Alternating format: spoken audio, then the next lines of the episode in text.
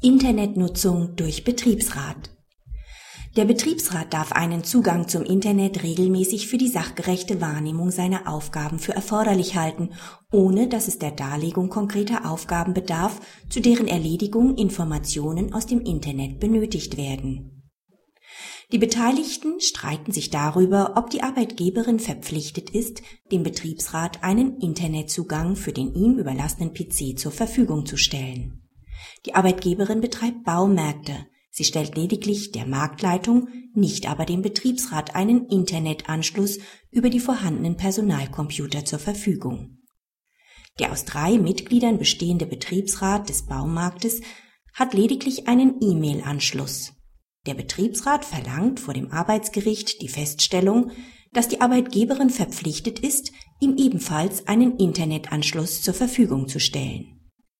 Nach Auffassung des BAG kann der Betriebsrat die Einrichtung eines entsprechenden Internetzugangs nach 40 Absatz 2 Beta VG verlangen.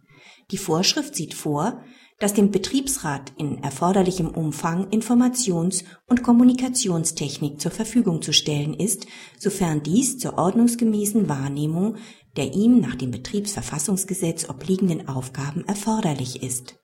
Die Beschränkung des Sachmittelanspruchs auf den erforderlichen Umfang dient dazu, eine übermäßige finanzielle Belastung des Arbeitgebers zu verhindern.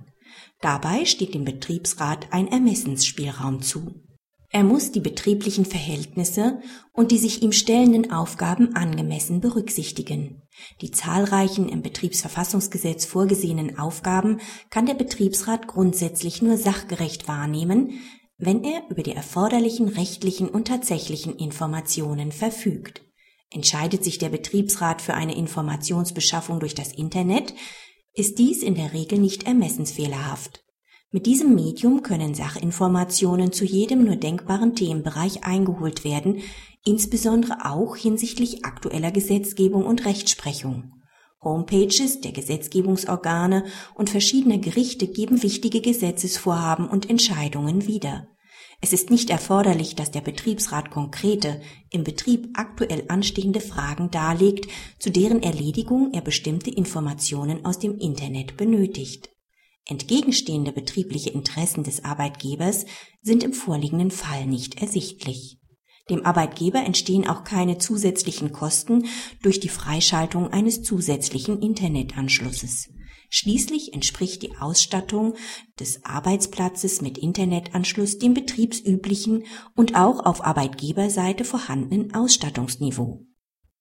Kritik Nachdem der siebte Senat die Erforderlichkeit des Internetanschlusses für die Betriebsratsarbeit unterschiedlich beurteilt hatte, macht das Gericht diesem Eiertanz nun ein Ende.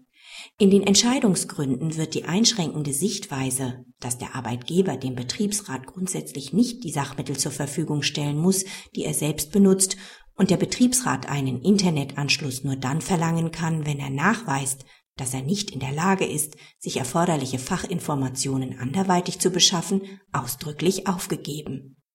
Nachdem das BAG den Grundsatz der Waffengleichheit schon seit geraumer Zeit für das Intranet aufgestellt hat, gilt dieser nun auch uneingeschränkt für das Internet.